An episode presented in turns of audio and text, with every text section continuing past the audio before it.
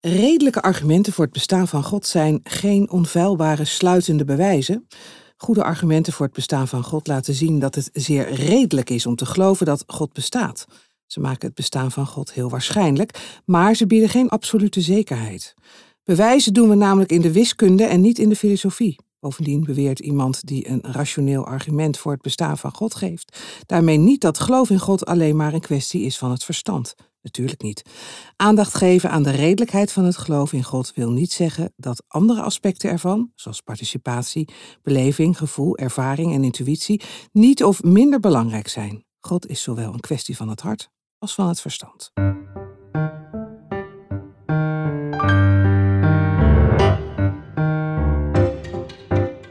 Theologie-podcast gaat over wat vandaag speelt in kerk en theologie. En de Theologie-podcast wil delen, inspireren en verdiepen.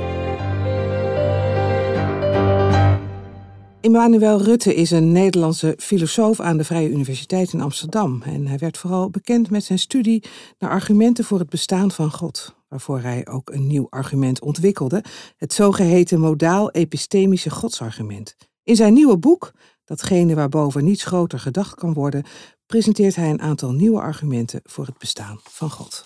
Goedemorgen, Emmanuel. Ja, goedemorgen. De intro was al flink. Inderdaad, Ja. een aantal citaten. Ja, een citaten uit, jou, uit jouw boek. Jij Ja. bent eh, wiskundige en je bent filosoof. Eh, hoe gaat dat in jouw hoofd, die twee vakgebieden? Ja, ik ben vooral natuurlijk filosoof al, al, al eh, een lange tijd. Ehm, ik ben begonnen als, als eh, wiskundige, inderdaad. Ehm, en, en de wiskunde vond ik een prachtig vakgebied. Eh, nadenken over de meest fundamentele structuren van de werkelijkheid. Want daar gaat de wiskunde uiteindelijk over. Ja. Eh, en ontdekken dat die structuren vaak iets heel moois hebben, iets heel schoons, bijna iets subliems.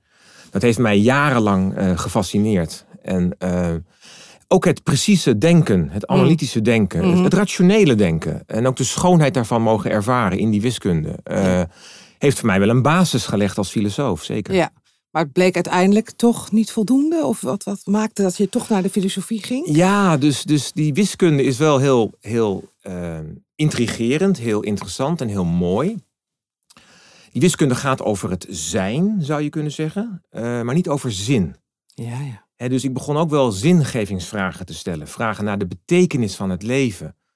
Wat betekent het om mens te zijn? En wat is de mens? Eh, dat soort grote vragen begon ik me ook te stellen.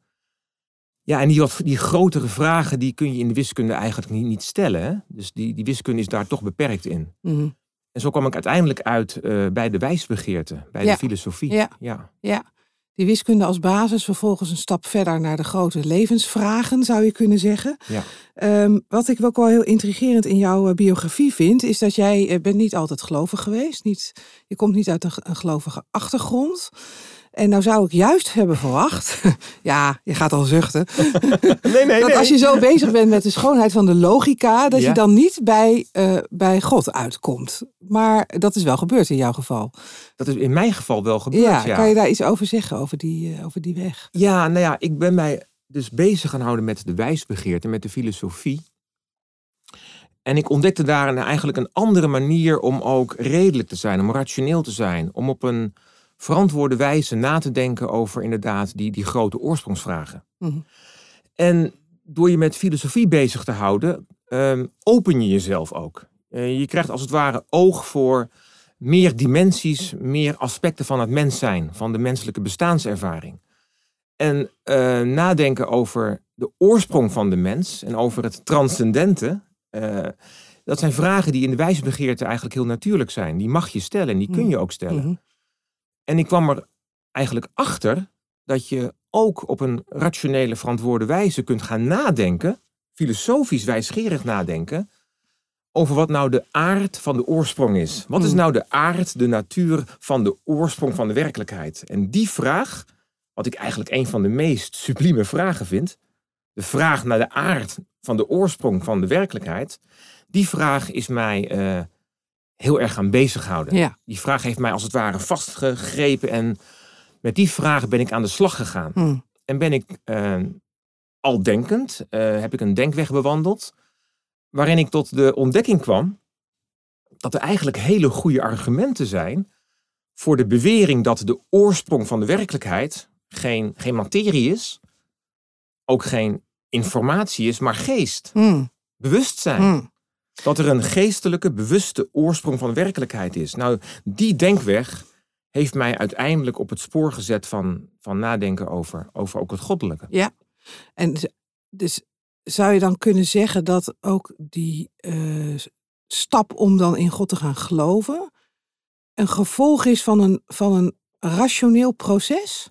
Of, of komt daar nog iets anders ook bij kijken? Ja, dus, dus eh, daar komt zeker ook iets anders bij kijken. Ehm, want naast deze weg inderdaad, deze, deze rationele denkweg, ben ik ook als, als eh, filosofiestudent, al aan het begin van mijn studie, ben ik ook geconfronteerd met bepaalde teksten uit de vroege kerkgeschiedenis. Hmm. Dus de, Die de kwamen zomaar langs in, jouw eh, in jouw studie. De patristiek. Ja. Eh, om dat woord maar eens te gebruiken. Want wat gebeurde er namelijk aan de VU, aan de Vrije Universiteit? Wij lazen eh, in het kader van een college middeleeuwse wijsbegeerte, lazen wij teksten van Augustinus. Oh ja. Ehm, en ehm, ja, bepaalde passages uit eh, teksten van Augustinus. En die grepen mij gewoon aan. Ja? Ja, die grepen mij gewoon aan als een, als een ervaring, als een gebeurtenis, Mm. zou je kunnen zeggen. Mhm. dat, was een, dat was een leeservaring. Een gebeurtenis die, ehm, die ik als een. Als een eh, dat was niet alleen maar een tekst lezen. Nee. Dat was eigenlijk eh, aangeraakt worden, gegrepen worden door wat daar werd gezegd. Eh, er werd gesproken over een God die mens werd. Die onder ons geleefd heeft, die, eh, die wij niet hebben aangenomen. Dat hele spreken, dat hele vocabulaire, die hele wereld waarin ik als het ware in ondergedompeld werd, ehm, die fascineerde mij. Ja. En dat, dat, dat is meer een existentieel proces, denk ik. Een ervaringsproces. Maar door de jaren heen bleek wel dat die, twee, eh, dat die twee zaken in feite heel goed op elkaar aansloten. Ja. Eh, dat die ervaring eigenlijk heel goed past bij ook de redelijkheid van het denken aan een, aan een geestelijke oorsprong. Aan een, aan een bewuste oorsprong van de werkelijkheid. Ja. ja. Dus, dus je zegt ook eigenlijk, geloven is, is een soort combinatie dan van, van ratio, ervaring, eh, gevoel, emotie. Dat, dat grijpt allemaal, dat las ik natuurlijk net in dat citaat ook Ja. al voor. Hè? Ja. Dat grijpt in elkaar. Zeker. Eh, en het is dus ook mogelijk eh, voor mensen die heel erg rationeel denken, want dat zo zou ik jou wel kunnen noemen, denk ik, om zo'n eh, zo'n geloofstap ook te zetten op een gegeven moment. Of, of, Ja, ik denk het wel. Ik denk dat. ehm, want dat argument wordt nog wel eens gebruikt hè, in de samenleving van ja, nee, maar als je heel intelligent bent, dan kan je niet geloven. nee, ik zou dat willen omkeren. Oh, Eh, oh ja? Nee, absoluut. Als je heel intelligent bent, moet je juist Ja, geloven. goed, maar even zonder gekheid. Dus, dus als, je gaat, als je je openstelt voor de mogelijkheid dat de, de, de, de wereldgrond, het eerste beginsel, eh, misschien wel geest zou kunnen zijn, bewustzijn. Dat er dus een mentale, geestelijke oorsprong van de werkelijkheid is. Als je voor die mogelijkheid openstelt en als je vervolgens gewoon nagaat welke redelijke argumenten daarvoor gegeven kunnen worden, en die ook door de hele geschiedenis heen van de wijsbegeerte ook gegeven zijn, Ja. eigenlijk al vanaf Plato tot in Mhm. onze tijd. Mhm. En als je al die argumenten gewoon eens gaat bekijken, die redelijke godsargumenten, hè, ja, dan, dan, dan, dan denk ik inderdaad dat je dan, dan, als je daar oprecht naar kijkt, dat je dan eh, overtuigd kunt worden van de, ja, van de inherente redelijkheid van die positie. Eh, dus dat inderdaad, juist ook vanuit een, een denkweg, eh, hele goede argumenten zijn om uit te komen bij het geloof, inderdaad, in het bestaan van God. Ja. Absoluut. Ja. En eigenlijk zei je net, het is misschien wel omgekeerd. Juist als je in staat bent om intelligent te redeneren, of logisch, dan zou je daarbij uit moeten komen. Ja, om het dan, om het dan eh, op, op de volgende wijze te formuleren. Ik denk inderdaad dat de argumenten, de redelijke argumenten voor het bestaan van God, eh, sterker zijn, veel sterker zijn, ehm, en ook talrijker zijn, eh, dan de argumenten voor de bewering dat God niet bestaat. Hmm. Dat meen ik oprecht. Ja. Dus ik denk dat de, de, de, de, de casus voor het bestaan van God bijzonder sterke rationele papieren heeft. Ja, dus als En jij... wie, een, en wie een, zeg maar, een sincere truth seeker is, iemand die oprecht gewoon wil kijken van, nou, wat is voorhanden? Wat zijn de argumenten voor en tegen? Eh, die dat echt oprecht wil afwegen, die moet mijns inziens tot op zijn minst, zou ik willen zeggen, op zijn minst tot de conclusie komen dat het alleszins redelijk is om te denken dat God Ja. bestaat. Dat op zijn minst. Ik moet nu even denken aan een rechtszaal.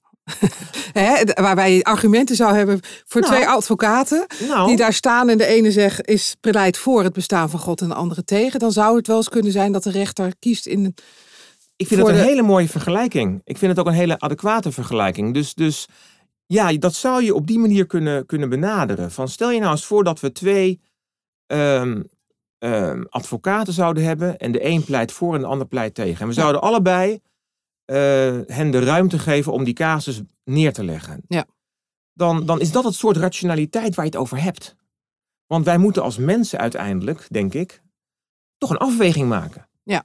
We, we zijn menselijk al te menselijk. We moeten uiteindelijk met onze menselijke ratio, met ons menselijk redenvermogen, moeten we gewoon de evidenties die voorhanden zijn, moeten we beoordelen. Ja. En dat is eigenlijk te vergelijken met een rechter inderdaad, die het materiaal beoordeelt. Ja, die kijkt, dit is het Ja. argument. Nou vrees ik alleen wel één ding, Emanuel, is dat Ja. de meeste mensen dit niet zo doen in hun hoofd. dat dat natuurlijk heel mooi zou zijn. Ja. Niet alleen bij dit, eh, bij het be- bestaan van God, maar ook bij heel veel andere dingen. Ja. Rationeel en goed a- argumenten afwegen en dan tot een conclusie komen. Ja, Ik zou dat heel fijn vinden als de samenleving zo in elkaar zat. Ja. Omdat ik zelf ook graag zo denk. ja. Maar ehm, eh, ja, ja, ik begrijp je vraag. de werkelijkheid ziet er toch misschien een beetje anders uit. Ja, nou laat ik daar dit over zeggen. Kijk, wat, wat de argumenten op zijn minst ook kunnen doen, is mensen die denken, mensen die ervan overtuigd zijn dat geloof in God irrationeel is, dom is, eh, anti-intellectueel is, Mhm. om die mensen in ieder geval te laten zien dat die veronderstelling gewoon onhoudbaar is. Ja. Op zijn minst kun je dan bijdragen aan het scheppen van een, van een intellectueel klimaat, waarin het geloof in God op zijn minst weer wordt gezien als een redelijke optie. Ja. In plaats te worden weggezet als dom, Ja. irrationeel en, en onzinnig. Dus, Ja. dus dat kunnen de argumenten ook doen. Hè? Mensen in ieder geval laten zien van kijk, het is niet zo raar om dit te denken Nee. zodat ze misschien weer enigszins duldend kunnen kijken naar bepaalde tradities. Ja. duldend naar bepaalde tradities. Dat is ook mooi gezegd. We gaan natuurlijk zo over die argumenten praten. Eh, maar ehm, ja, eerst nog even dit van, is dat ook wat jou drijft, zoals je het nu vertelt? Ehm, nou, als, ik- kijk, wat mij drijft is toch de, de fascinatie voor de vraag naar de werkelijkheid. Dus Dus, dat blijft toch, ja, ja, ik ben als je dat toch- zegt, ga je gewoon ook echt heel blij kijken. Nee, maar dat is wat mij drijft. Ik ben filosoof. Ik, Ja. Het wijsgerig denken, het filosofisch denken is prachtig. Ja. En dat is in zichzelf ook iets moois en iets goeds. Dus jou, we kunnen jou in een zolder, op een zolderkamer opsluiten met heel veel boeken en dan ben je uitermate gelukkig. Nou, ik lees wel veel, moet ik zeggen. En ook vaak. En Ja. ik moet er ook wel een beetje op letten natuurlijk. Eh, Hoezo? Er is toch niks mis mee? Nee, maar goed. Dat Alles je nog eens mensen ziet, bedoel Nou je? ja, je moet toch ook, ook wel ook, ook ogen blij- blijven houden voor andere zaken in het leven natuurlijk. Maar nee, maar inderdaad, ik ben wel echt intrinsiek gemotiveerd door die, door die, door die, door die vragen en door het nadenken over die vragen. Ja. Maar tegelijkertijd vind ik het ook wel belangrijk om inderdaad ook wel bij te dragen, een klein steentje bij te dragen aan het scheppen van dat klimaat. Ja. Om inderdaad ook wel te laten zien dat dat geloof in God alleszins redelijk is. Dat vind ik ook wel ook maatschappelijk belangrijk. Ja. Je gaat ook regelmatig in debat hè, met Dick Swaap, Herman Philipsen, Stine Jensen. Ja. Ehm, en, en als je dan terugkijkt op dat soort debatten, die, die, waar jij, neem ik aan, ingaat met, het, met de hoop dat, je dit, dat dit de uitkomst is, dat mensen gaan inzien, het is helemaal niet zo onredelijk om te geloven. Lukt dat dan ook? Of, of is dat dan toch Ja. uiteindelijk Nou, gevecht het- tegen de bierkaai? Nou ja, weet je, ik vind het. Laat ik vooropstellen dat ik het echt eh, eh, mooi vind, ook belangrijk vind om aan die debatten mee te doen. En eh, dat, dat het ook zeker wel een, een, een goede functie kan hebben. Ik heb het ook vaak gedaan door de Mhm, jaren heen. mhm. Eh, altijd met veel plezier, zeker. Ehm, alleen, kijk, het, het blijft toch uiteindelijk wel het uitwisselen van standpunten. Waarbij je allebei je eigen verhaal neerzet, vanuit je eigen positie vertrekt. Maar een werkelijke ja, verzoening of zo, of een werkelijk samenkomen, of werkelijk samen ergens uitkomen, dat is het nooit eigenlijk. Hè? Nee? Nee, dat lukt eigenlijk niet zo goed. Eh, je blijft toch allebei vaak in je eigen positie staan. En ehm, je moet ook wel eens opletten dat het niet zeg maar een soort steekspel wordt. En dat gebeurt ook wel eens. Dan wordt het echt een soort steekspel. Het verleidt je natuurlijk En ook dat- om dat- even de andere flink in de hoek te praten. Nou ja, weet je, dat, nee, maar dat, dat, dat, dat wil je uiteindelijk ook helemaal niet. Dat is je doel ook helemaal niet. Maar ja, je gaat argumenteren, je gaat eh, ar- argumenten voor, argumenten tegen. Je gaat natuurlijk toch ook wel tegen elkaar in en zo. Dus het kan soms ook wel echt een steekspel worden. Hmm. Eh, maar echt die verzoening, zeg maar, dat je samen zegt van, ah, we komen nou hier samen op uit. Ja, dat lukt in zo'n debatcontext eigenlijk niet. Maar Nee. wat wel lukt, vaak, Ja, denk ja. ik, als ik naar de zaal kijk, Ja, dus even naar de zaal, mensen die dan komen, die dan luisteren. Dat heb ik echt meegemaakt. Dat mensen wel, veel mensen na afloop zeggen van nou, ik ben niet gaan geloven. En dat hoeft ook helemaal niet. Maar ik heb nu wel ingezien dat inderdaad de zaak anders ligt, intellectueel gezien, dan ik dacht. ja, precies. Dat is wel, en dat, dat is belangrijk. Ja. Dus dat, mensen, dat veel mensen inderdaad zeggen, goh joh. Nee, ik, ik, ik kijk er nu anders naar. Het ik is, zeg nu niet meer dat je eh, niet denkt, als dat je niet kan geloven en denken tegelijk. Precies. Dus dat, en dat, dat, moet, ja, dat is wel echt wel gelukt, denk ik, Ja. in de afgelopen Ja. jaren. Ja, dus dan overtuig je misschien niet je directe gesprekspartner, maar wel de mensen die luisteren. En dat is Ja, die neem je, dan, die, die, die, die, die neem je vaak wel mee. In, Ja. in, het, in, in het laten zien van de redelijkheid van, van, van, van het geloof, zeg maar. Ja, ja. Eh, en dat vind ik al heel wat. En heb je ook nog een, even los van die ba- debatten, hè, van eh, als mensen dat gaan inzien, Ja. is dat jouw eindstation wat je hoopt?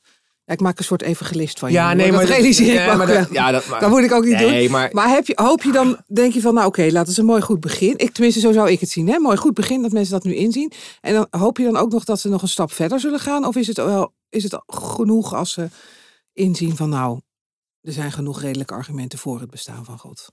nou, dat vind ik eigenlijk het belangrijkste. Ja. Wat je nu, wat je, Ja, zoals je het nu formuleert. Dat, Ja. dat is waar het mij om gaat. Ja, Ik wil de redelijkheid van het geloof ook laten zien. En natuurlijk is het mooi als mensen een stap verder gaan. Absoluut. Natuurlijk is dat mooi. Maar dat is niet- niet hetgene wat mij drijft. Nee. Eh, dus, dus staat niet op die zeepkist voor het Centraal Station in Amsterdam. Nee, dat is niet wat mij drijft. Nee. Nee, nee. Nee. Dus, dus maar, maar wel de redelijkheid laten zien. En, en dat vind ik wel echt een belangrijk aspect van. eh, ook van mijn taak als filosoof. Omdat Ja. je toch ook wel. eh, ja, je probeert vanuit de filosofie toch inzicht te geven. Je probeert toch een bepaalde helderheid te geven in, in de structuur van de werkelijkheid uiteindelijk. Ja, en dat Eh, draag jij dan aan bij. ja, Ja, het is misschien een hele gekke vergelijking, maar ik moet een beetje aan Johannes de Doper denken. Dat is een hele, hele bijzondere die nu Nou maakt. ja, omdat, ik zal hem ook even toelichten. Ik begrijp dat hij niet meteen logisch is. Nee. Johannes de Doper, ik heb het namelijk net over hem gepreekt ook, die bereidt de weg voor voor Jezus. Hè, die is een soort weg, Oh, we- een wegbereider voor Jezus. En die, eh, nou ja, die doet van alles om eh, het werk van Jezus volgens mogelijk te maken. Zou je kunnen zeggen dat eh, op het intellectuele niveau mensen laten inzien dat je ook op redelijke argumenten in God kan geloven, dat dat misschien helpt om de ruimte te scheppen? Ja, nou dat is inderdaad wat ik inderdaad ook zie. Dus, dus inderdaad, dus dat, dat bijdragen aan het scheppen van een intellectueel klimaat, hè? waarin dat geloof in God weer als een redelijke mogelijkheid wordt gezien. En daardoor ruimte geven eh, aan die mogelijkheid. Eh, waardoor mensen weer wat meer duldend gaan kijken naar onder andere de Bijbel bijvoorbeeld. Ja. Ja, daar hoop ik zeker aan bij te dragen. Ja. Absoluut. Dus in die zin ben je een beetje een. Nou ja, ik, Nee, hoor. eh, ik, ik, Nee, die kwalificaties die, die geef ik jou. Die, Nee, maar absoluut niet, denk ik. Maar, Nee. maar ja, ruimte scheppen voor, voor het anders kijken naar het evangelie. Ja. Om het dan even zo neer...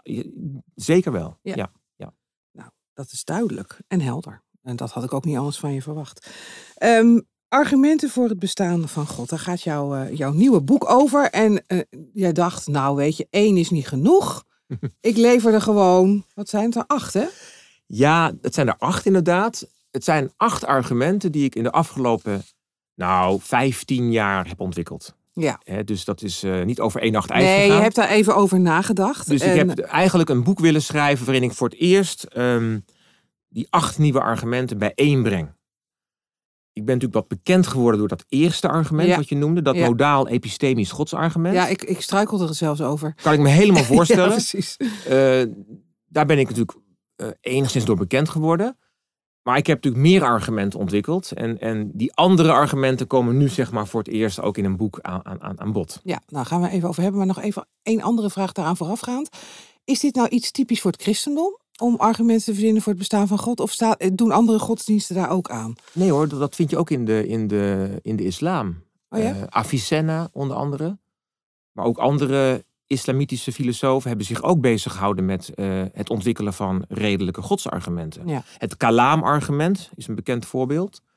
Eh, dus, dus dat is niet alleen maar voor het christendom. Nee, Nee. nee. oké. Nee. Nou, dat hebben we dan ook weer even uit de lucht. ja. Laten we het eens over hebben. Je hebt er acht beschreven. Ehm, het is best wel een ingewikkeld boek. Dat, dat Ja. is helemaal niks mis mee. Maar dat betekent wel dat je het vaak een beetje moet vertalen voor, de, voor mij in ieder geval. En misschien wel voor meer luisteraars. Ja, begrijp ik heel goed. Ehm, ja, we gaan, kunnen ze niet alle acht Nee. langs gaan, denk ik. Maar noem er eens één waarvan Ja. je denkt, nou, die vind ik echt wel, die wil ik ook echt goed eh, uit kunnen leggen. Nou, die Ja. wil- je met allemaal, maar nou, Nee, ik begrijp je vraag Ja, natuurlijk. Dus laten we er één nemen. Hè? En het zijn natuurlijk wat complexere argumenten. Omdat ze natuurlijk wat recentelijk... Ze zijn recentelijk ontwikkeld door mij. Dus ze zijn natuurlijk niet heel voor de hand liggend. Nee.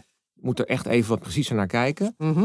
Eh, laat ik er dan één nemen. Eh, mijn argument vanuit atomisme en causalisme.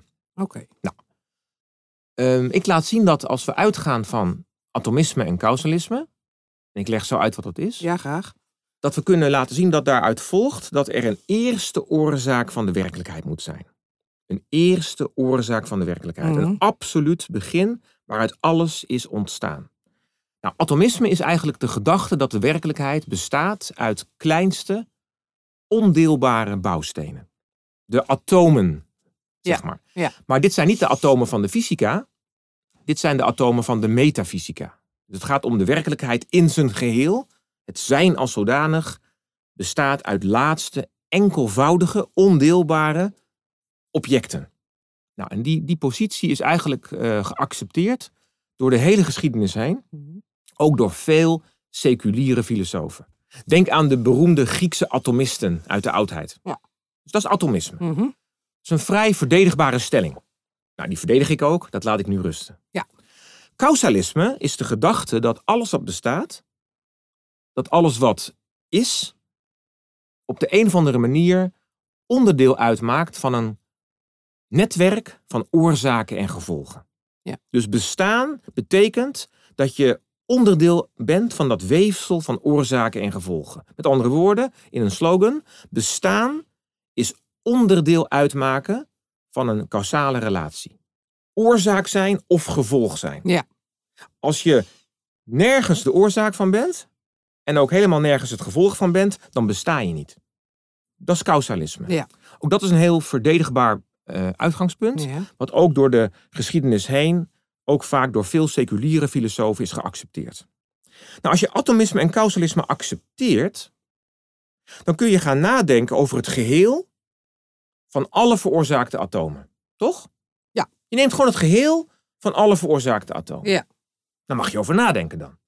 Nou, maar dat geheel van alle veroorzaakte atomen, dat kan zelf niet de oorzaak van iets anders zijn. En waarom niet? Nou, dat geheel van alle veroorzaakte atomen kan niet de oorzaak van iets anders zijn, omdat als het de oorzaak van iets anders zou zijn, dan zou dat andere ook veroorzaakte atomen moeten bevatten. Mm. En dus moeten overlappen met dat geheel. En dat kan niet. Nee. Want oorzaak en gevolg overlappen elkaar nooit. Dat betekent dus dat dat geheel van alle veroorzaakte atomen, omdat het zelf niet de oorzaak van iets anders is, het dus zelf veroorzaakt moet zijn. Moet zijn, ja. En die oorzaak van dat geheel van alle veroorzaakte atomen, die oorzaak zelf, om eigenlijk dezelfde reden, kan niet veroorzaakt zijn. En is dus de eerste oorzaak. Ja, ja. Dan krijg je dus een eerste oorzaak Ja. van het geheel van alle van, Je krijgt een eerste oorzaak, moet ik het goed zeggen? Een eerste oorzaak van het geheel van alle veroorzaakte atomen. En ik laat zien dat die eerste oorzaak de absolute eerste oorzaak is van de hele werkelijkheid. Ja. Nou, Ja. heb je een eerste oorzaak. Ja. Heb je nog geen God. Nee. Nou, de tweede stap, en ook de laatste stap, Nou, het zijn er maar twee. Dat valt mee. ja. is dat je gaat afvragen: oké, we hebben een eerste oorzaak van de werkelijkheid. Dat is al heel wat, hè? Dat is al eigenlijk al een heel metafysisch belangrijke conclusie in feite. Ja. Sterk vereenvoudigd nu, maar goed. Die eerste oorzaak heeft een zekere aard, een zekere natuur. Mhm. Het kan materie zijn, het kan informatie zijn of bewustzijn. Nou, wat ik dan doe, ik ga me dan afvragen: waar een eerste oorzaak van de wereld redelijkerwijs aan zou moeten voldoen. Hmm. Ik ga in feite de vraag stellen: wat zijn nou redelijkerwijs kenmerken, eigenschappen van zo'n eerste oorzaak? Nou, heel kort noem ik er een paar. Ja. Zo'n eerste oorzaak moet natuurlijk actief scheppend zijn. Dat is één. Ja. Het moet actief scheppend zijn. Ja, anders ontstaat er niets. Precies.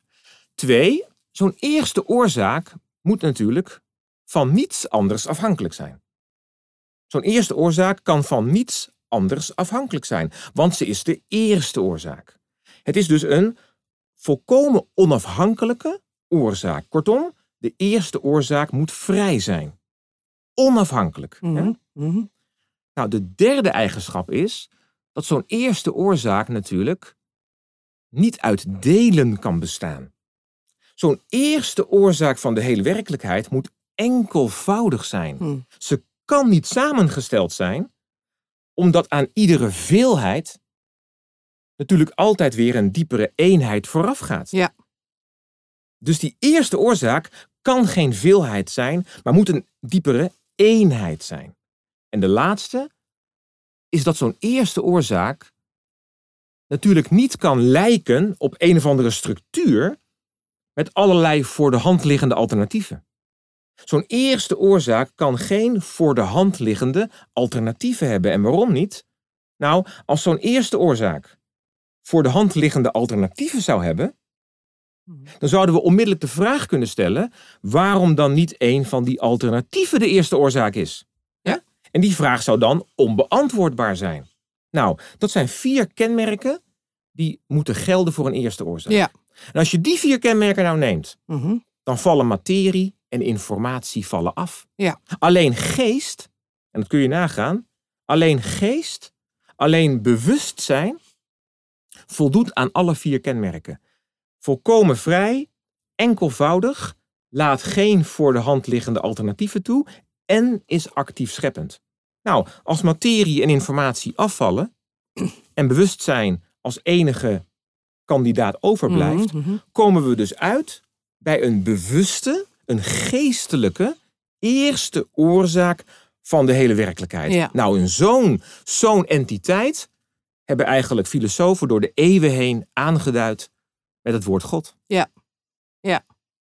Dat is Ja. een korte uiteenzetting. Ik zie jou echt in die rechtszaal staan. Nee, Nou, maar ja, Dit zijn mijn argumenten, meneer de rechter. Ja, ja. Nee, er zit een enorme schoonheid ook in. Hè, ik, als ik jou zo volg, ik moet echt mijn best doen. Hè? Maar dan, dan zit, is het, ontstaat wel een, een heel mooi argument voor het bestaan van God.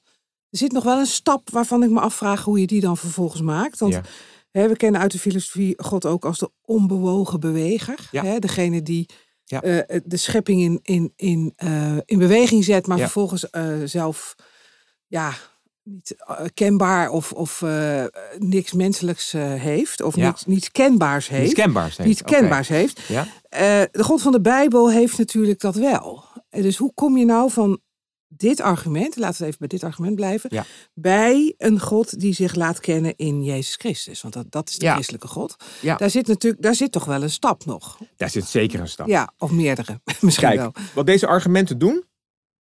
Deze argumenten argumenteren voor algemeen theïsme. Ja.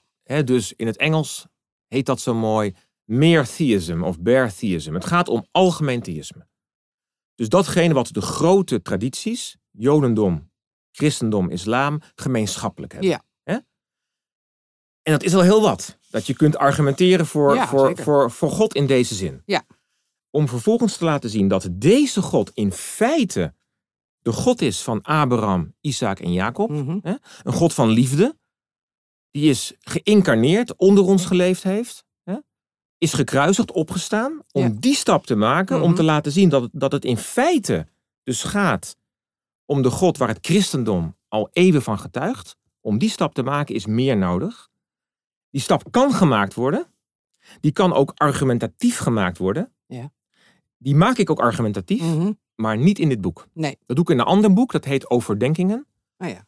Eh, gepubliceerd al in 2017, wat langer geleden. Oh, dat is wel interessant. Ja, Want dus dat in- boek was er al. Ja, ja, zeker. zeker. Dus, dus, dus ehm, de stap van algemeen godsbegrip naar de christelijke God, Ja. Dat vereist een aparte, een aparte eh, verhandeling. Ja. In dit boek hou, hou ik mij bezig met inderdaad eh, theïsme in Ja, algemene zin. Precies. Dus breng door rationele argumenten eh, theïsme als, ja, als acceptabel argument naar voren.